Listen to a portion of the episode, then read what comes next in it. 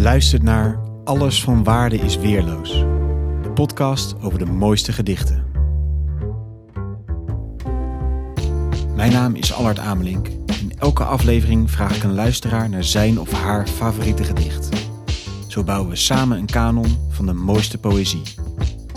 In deze aflevering hoor de keuze van... Jan Kostijn Diebe.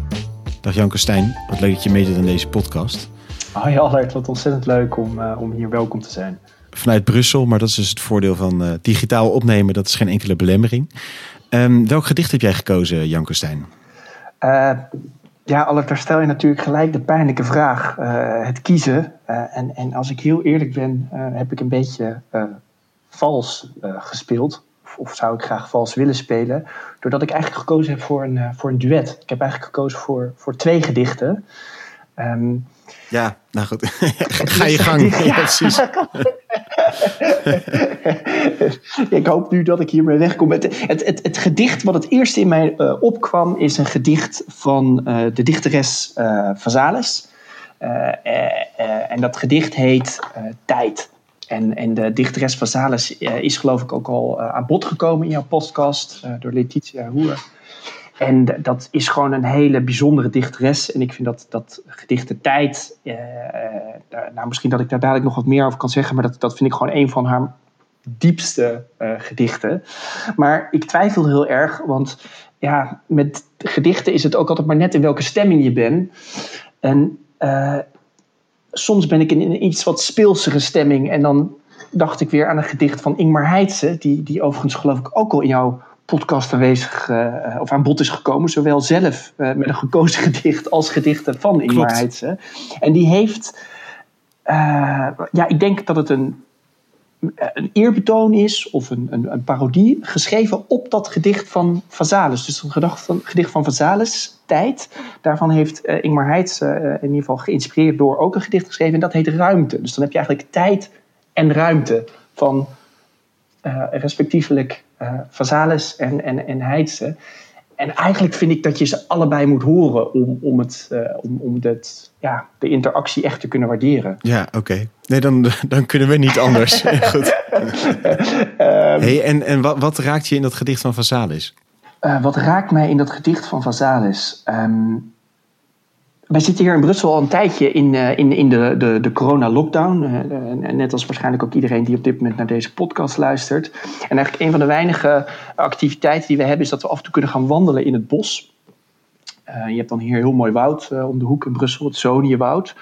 En ik loop daar dan doorheen samen met mijn vriendin Clio. Um, en op een gegeven moment kwamen we op een soort van open plek in dat bos... Of wij liepen eigenlijk heel lang door het bos, een gigantisch bos met allemaal reuzen van bomen. En toen viel het dus eigenlijk op dat, dat op die open plek, er waren een aantal bomen opgevallen. Daar stonden allemaal kleine jonge uh, uh, bomen. En, en ik ben geen bioloog, maar toen dacht ik wel, wat, wat, wat, gek eigenlijk dat in zo'n uh, heel groot bos met grote reuzen van bomen, dat er eigenlijk alleen maar schaduw is. En dat er dus nauwelijks kleine bomen tussen groeien. Maar zo gauw er dan een paar omvallen, dan zie je daar allemaal jonge bomen tussen staan. Uh, alsof die eigenlijk een soort van moeten vechten voor hun plekje uh, in dat bos. En, en dat beeld, dus dat ik in dat, in dat zoniewoud sta en dat ik naar die bomen kijk en dat ik zie dat jonge bomen eigenlijk ook een beetje moeten strijden voor het licht. dat, dat is een beeld wat ik vind dat, dat Vazalis ontzettend mooi gevangen heeft in het gedicht Tijd. waarbij ik ook moet zeggen dat dat gedicht in mijn ogen ook ja, um, nog essentiëler is bijna, nog iets dieper zegt over, uh, uh, over het leven. En dat is natuurlijk ook een beetje wel haar werk. Ik, ik, ik dacht dat in die vorige podcast Letitia dat heel mooi zei. Dat ze zei van het, het, gaat over grenssituaties waarin tijd en ruimte niet meer bestaan bij Vasalis. Dat Vasalis zelf gezegd uh, heeft, gedichten wortelen in het geheim. Dus het is een heel mystiek gedicht, zou ik willen zeggen. Uh, en toen ik in dat woud stond, toen kwamen die zinnen uit dat gedicht omhoog. De bomen zich uit de aarde wrongen terwijl ze hees en hortend zongen. Dat, dat was de zin die in één keer in mijn hoofd speelde. In, inderdaad mooi, ja. Dus ik ben nu ook wel benieuwd naar, naar het hele gedicht. Top, dan uh, lees ik hem voor. Tijd.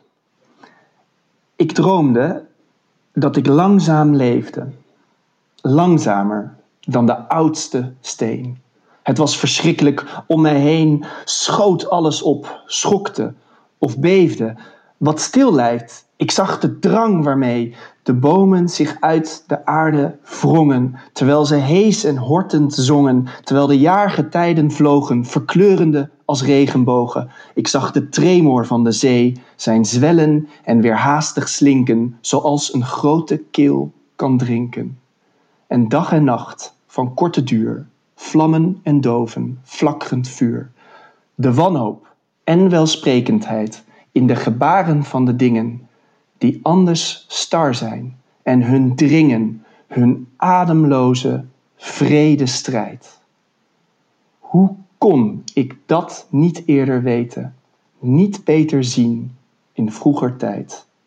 Hoe moet ik het weer ooit vergeten?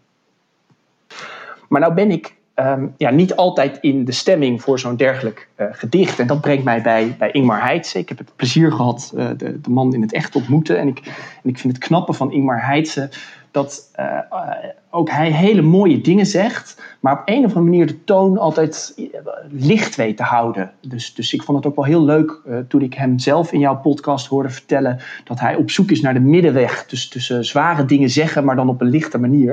En dat vind ik dat hij ook heel mooi doet in, in zijn reactie op of eerbetoon aan uh, Vazalis, wat dan ruimte heet.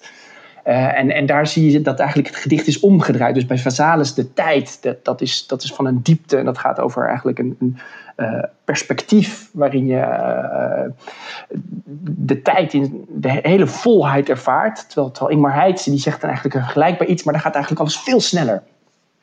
Um, en ik merk als ik zelf gedichten lees, dat dat dan ook dat ik een beetje heen en weer geslingerd kan worden tussen die twee. Dat soms wil je iets heel moois en, en raaks en soms wil je iets, iets snels en, en sprankelends. Um, ja, en dat maakt eigenlijk dat het in mijn ogen dus een uh, duet is, wat ik ook graag uh, ja, dan wilde voorlezen.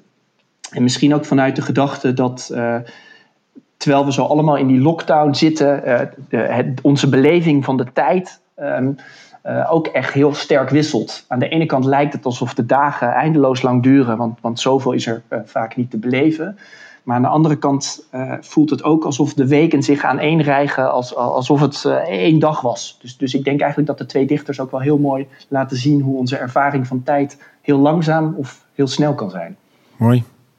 Ja, en dan zou ik dus nu eigenlijk het gedicht van Ingmar Heitse moeten voorlezen, zodat je dan dat dat contrast, ja, nee, dat samenspeelt. ziet. Het tweede gedicht in deze podcast. Dankjewel. Ruimte. Ik droomde dat ik pijlsnel leefde. Twaalfmaal sneller dan het licht. Het was fantastisch. Om mij heen stond alles stil. Voorgoed bevroren. In volkomen relativiteit. Het voelde als onsterfelijkheid. Ik zag planeten in hun baan bevriezen en kometen vaart verliezen, slakkensporen uit hun staarten, zag hoe zonlicht aarde maakte als een straal van vallend water. Later, toen ik het heelal in elke richting had doorkruist, op de trilling van een snaar en wetenschap en wiggelaars tot waanzin had gedreven met een schier oneindig leven, dat voor hen geen uur besloeg, wist ik de warme lentedag waarop ik net geboren was, nog lang genoeg voor honderdduizend jaar. Dankjewel, Jan Kostijn. Graag gedaan, Albert.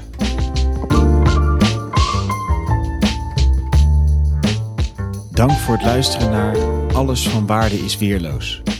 Wil je zelf een gedicht delen? Stuur me dan een bericht op Twitter, isweerloos, of op Instagram, Alles van Waarde is Weerloos.